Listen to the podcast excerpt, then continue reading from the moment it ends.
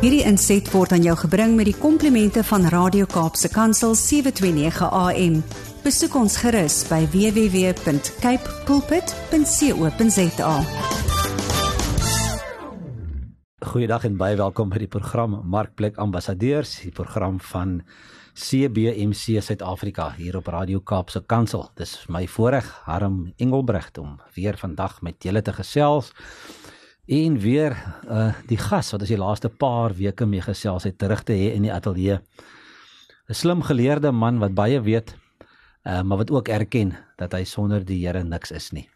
En Rian, ons is dankbaar daarvoor en ons is dankbaar vir die tyd wat jy afstaan.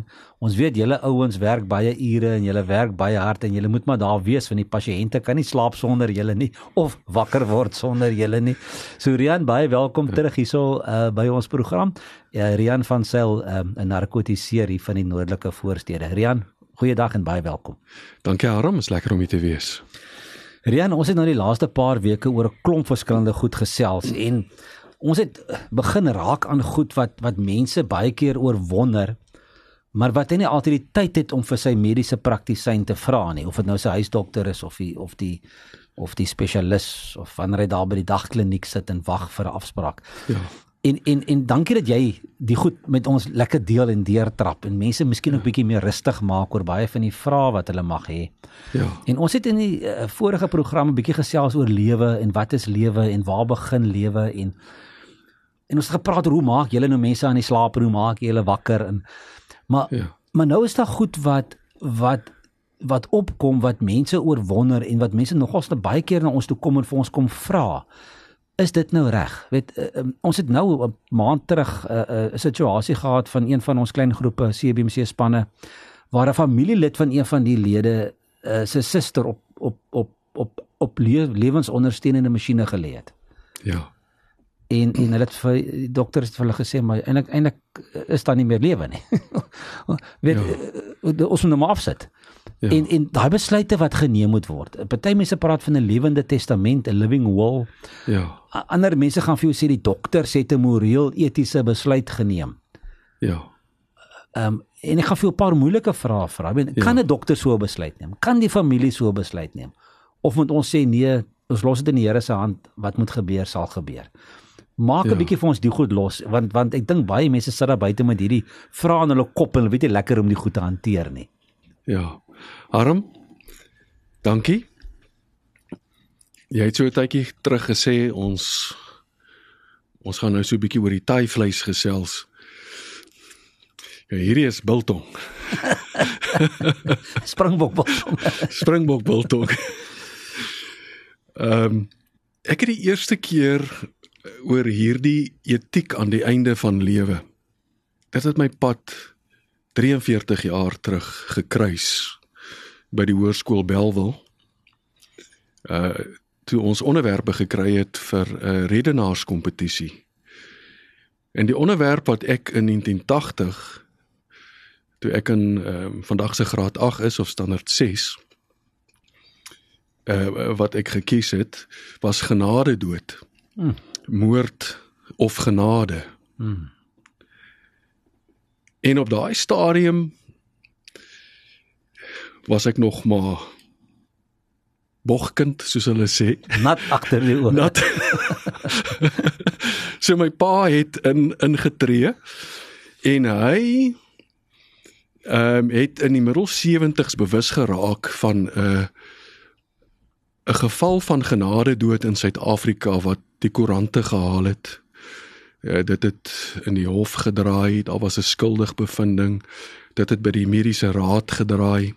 So hy toe ek dink ek het saam met hom gegaan of hy dalk alleen gegaan na die argief van Naspers om dan bietjie te lees oor wat in die koerante daai tyd geskryf is, 43 jaar terug. Jy sal miskien on onthou uh, dit het afgespeel in Ceres wat nie ver hier van ons af is nie. 'n mediese dokter. Ek dink nie ons hoef name te noem nie wat in die middel 70s sy pa ehm um, 'n middel toegedien het. Ehm um, amper wil ek sê ja, ek wil nou nie in die tegniese ehm, wetlike maar jy kan amper nie oor hierdie onderwerp praat sonder om oor pasiënt autonomie te gesels. Ehm um, weldadigheid of soos hulle in Engels sê beneficence. Ehm um, nie kwaadwilligheid wat non-maleficence is. Ehm um, daai tipe van goed is die goed wat ter sprake kom. Soos die voorbeeld waarna jy verwys het, ehm um, die dame wat op die masjiene is, sit ons af. So daar's da 'n weier prentjie daaroor. En ek dink die Bybel gee vir ons daai weier prentjie en ook 'n mate van rustigheid. So ons as mense probeer met ons kennis met ons amper wil ek sê aannames wat ons maak, wat is sosiaal, wat is uh, maar ek ek stem met jou saam in uh, uh, ons moet teruggaan na die woord en in die woord is daar 'n voorbeeld van genade dood. Ehm uh, so jy kan sien ek gaan haal hom nou ver want jy het 'n moeilike vraag gevra. maar Marian, te, te wil jy nou nog dink oor dit? Daar's twee aspekte aan dit. Ja. En die een is aktiewe en die een is passiewe. Ja. Genade dood. Ja. Maar maar jy wil nou jy wil nou in die Bybel verwys na die na die na die aktiewe ene. Na die aktiewe genade dood en dit is ook omstrede want daar's twee verhale wat daar's twee weergawe is. En ons kerk aanvaar eintlik meer die weergawe van 1 Samuel 31 in plaas van die weergawe wat ons lees in 2 Samuel 1. So dis twee hoofstukke wat langs mekaar is, maar hulle is in verskillende boeke, die laaste hoofstuk en die eerste hoofstuk. Ehm um, laaste hoofstuk van 1 Samuel uh, van Samuel, uh, 1 Samuel en dan die eerste hoofstuk van 2 Samuel. So dit gaan daaroor Saul. En was dit 'n voorbeeld van ehm um, aktiewe genade dood? Ehm um, Ja, so die geleerde mense wat dink oor die goeters en seker kyk na die oorspronklike geskrifte sê dat die verhaal in die eerste hoofstuk van 2 Samuel. Hulle dis moeilik om te sluk. As jy kyk na die konteks want dit is 'n voorbeeld van aktiewe genade dood. Maar as jy bietjie gaan lees wat in die Judaïsme, die Torah en daar is nog wetlike, ek dink hulle daar's 'n ander naam wat ek nou nie kan onthou nie. Maar as jy kyk na hoe hulle daai verhaal, is daar verskil in opinie. Eh, was die verhaal van die Amalekiet waar hy die nuus aan Dawid gebring het wat 'n bietjie van 'n ander invalshoek gee waar Saul volgens die Amalekiet nie gesterf het nadat hy in sy swaard geval het nie. Hy het wel in sy swaard geval. Die Amalekiet was toevallig daar. Ehm um, en Saul het vir hom gevra wie is jy? Volgens die tweede weergawe. Hy het gesê ek is 'n Amalekiet. Toe vra hy vir Saul, "Wat wil jy hê moet ek doen?" Wat wil jy hê moet ek doen? En dis ook nogal 'n vraag wat inkom by genade dood en etiek aan die einde van lewe want pasiënt autonomie weet ons in ons moderne samelewing of postmoderne samelewing uh kry groot prioriteit. Ehm um, die reg om te besluit oor jou lewe. En Saul sê toe vir hom uh vra vir hom om sy lewe te beëindig. Want Saul was toe nog nie dood gewees nie. Volgens soos die Amalekiete 3 dae later vir Dawid vertel het, ehm uh, het hy toe vir Saul ehm um, die genade dood gegee op Saul se versoek. So dit is 'n vorm van 'n uh, uh, aktiewe uh, genade dood. En ekskuus tog, want as dit sou geëindig het daar dat Saul self dood was na hy in sy swaard geval het, was dit eenvoudig selfmoord. Dit was en, en, maar was dit nie ook maar 'n vorm van genade dood in sy in sy geval gewees nie? Weet jy, Saul was bang. Hy het gesien drie van sy seuns is al oorlede. Nou dit is nie 'n maklike ding seker om te sien nie. Ehm um, Drie van sy seuns is is is oorlede in die veldslag en soos hulle sê die bosse dun geraak om hom.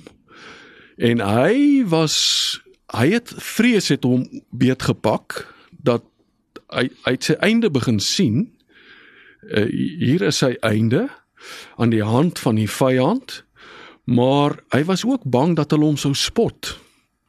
Dat hulle sou lag vir hom.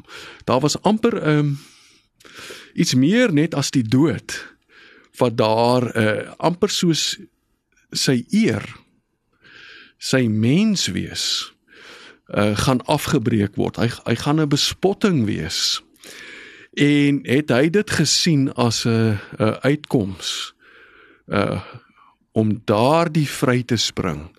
So dit was amper ja, dis moeilik en ek ek ek ek ek, ek dis nie vir my so 'n glashelder voorbeeld daai en ek wil amper meer van jou saamstem. Dit is meer uh, selfdood.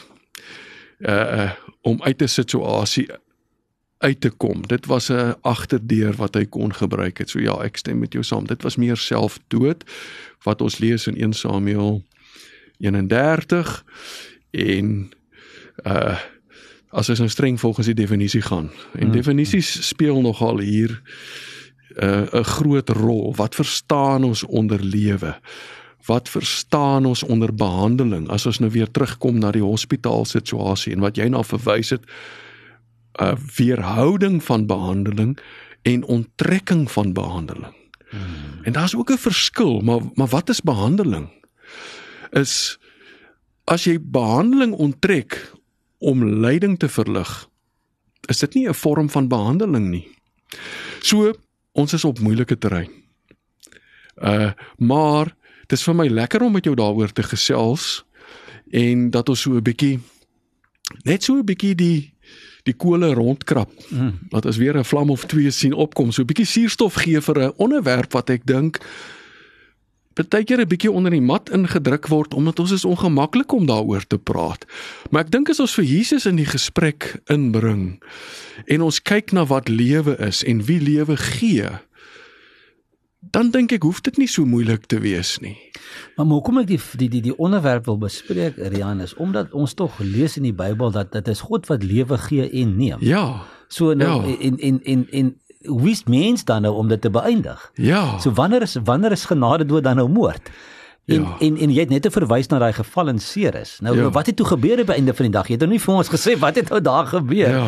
met hierdie persoon wat sy pa ingespuit het nie. Jo, arm. Weet jy 43 jaar dra ek die storie in my kop en mm.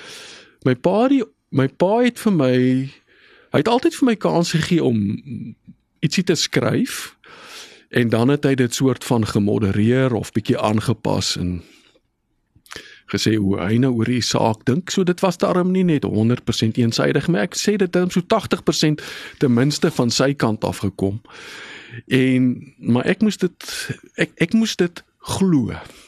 Ek moes dit deel van myself maak en dan die boodskap van ehm um, ehm um, uh, gaan verkondig. So uh dit was wonderlik geweest. Weet jy hoe die ding weer na vore gekom het so 5, 6 jaar terug uh by Woester Hospitaal is daar 'n 'n huisdokter. En ek weet nie hoe ek en sy begin praat nie. Ek sê vir haar, "Is jy familie van daai dokter wie sy pa ingespuit het, genade dood toegepas het in Ceres, dan dan is iets vir my in my kop moes geklik het om vir haar daai vraag te gevra het.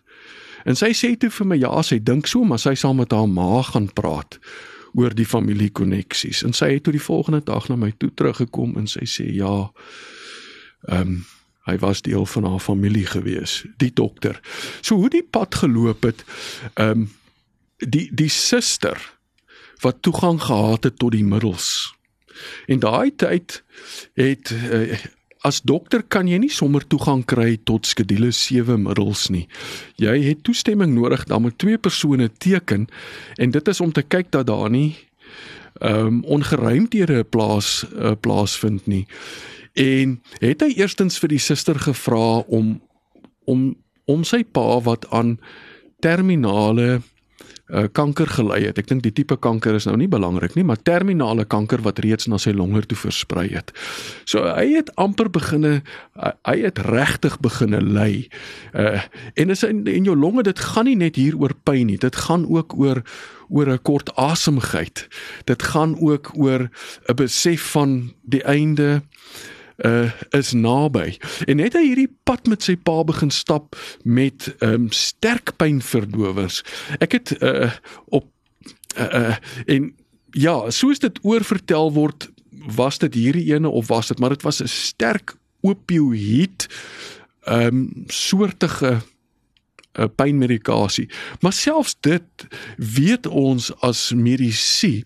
As jy dit vir iemand herhaaldelik gee, jy daar kan toleransie ontwikkel en jy moet meer en meer begin gee. En dan het daai middel nie net 'n pyneffek nie, dit kan ook jou asemhaling begin uh, beïnvloed. So jy begin 'n 'n 'n is dit 'n fyn lyn wat jy begin ehm um, hmm uh, betree. En het hy toe later uh ingegaan na die hospitaal en hy het vir die suster 'n middel gevra, 'n slaapmiddel. 'n Suiwer slaapmiddel. Dit was nie toe meer 'n pynmiddel nie.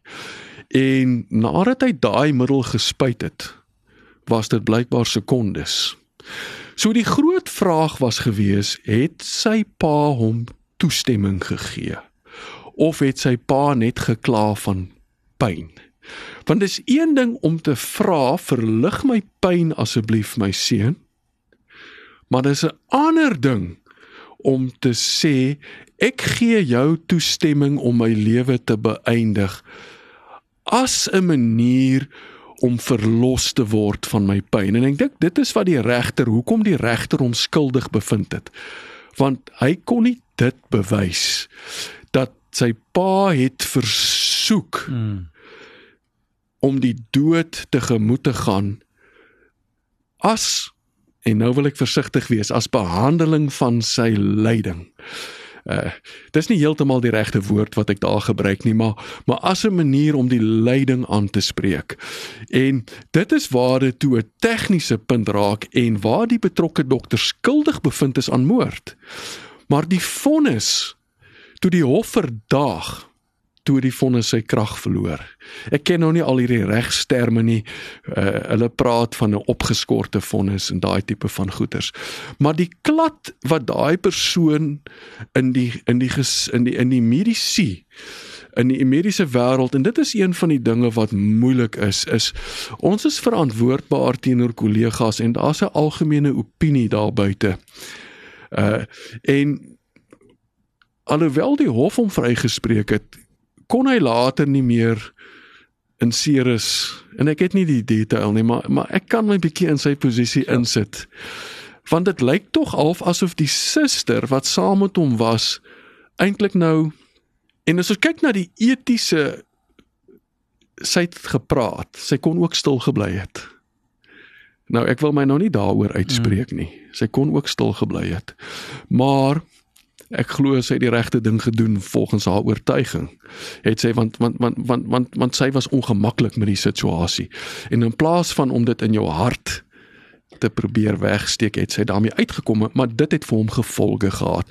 Hy is toe later by die mediese raad, dink ek ek weet nie presies wat die uitspraak was nie, maar die einde van die dag is hy toe in Montetjie probeer praktiseer, dit het nie daar gewerk nie en hy is toe swak op moed toe. Ehm uh, en waar hy toe later jare ehm um, oorlede is maar dat ek nou na soveel jare 'n uh, 'n nasaat van hom uh, ja. kon raakloop was was was wonderlik. Ja. Maar maar eh, Jerian, ons het nou nog net begin krap krap krap in hierdie onderwerp. Ons het nou nog eintlik by die antwoord uitgekom. Ja. Maar ehm um, ons tyd hardloop al weer uit. So ons moet met volgende week terugkom en en, en ja. die onderwerp probeer afhandel. Ek hoop ja. ons gaan dit klaar ja, gepraat kry. Ek dink ons kan. Ek dink ons kan. Ehm um, maar maar baie dankie vir jou tyd en die mense wat dan dalk 'n bietjie laat ingeskakel het. Ek is Harm Engelbrecht van CBC op ons program Markplek Ambassadeurs. Ek praat met dokter Rian van Sail, 'n narkotiseerde mediese praktisyn, um oor delikate onderwerpe, goed wat ons nie altyd met ons dokter kan gaan gesels of tyd het om mee te gesê, oor te gesels nie. En ons het vandag bietjie begin gesels oor hierdie kwessie van um om 'n lewe te beëindig. Uh, uh wettig, onwettig, uh, genade dood en die tipe van goed en en wanneer is dit nou reg en wanneer is dit verkeerd en wanneer mag die dokter die masjiene afsit en wanneer mag die familie ja. sê sit dit af. Ja. So ons is so bietjie begin praat. So Rian, hopelik kom ons so volgende week bietjie by, ja. by, by nader aan 'n antwoord ja. uit. Ja. Maar baie dankie vir jou tyd en dankie vir jou kennis en jou insig wat jy met ons deel in hierdie program. As jy meer wil weet van van ons bediening CBMC, uh, kontak ons gerus by www.cbmc.co.za. Gaan kyk daar wat ons doen of stuur vir my 'n e-pos na info@cbmc.co.za www.co.za. Ook as jy dalk dalk vir dokter Rian van Sail 'n vraag het, stuur dit sommer dan na my toe en ek sal sorg dat dit by hom uitkom. Maar ehm um, groet julle nou eers tot volgende week. Totsiens. Hierdie inset was aan jou gebring met die komplimente van Radio Kaapse Kansel 729 AM. Besoek ons gerus by www.cape pulpit.co.za.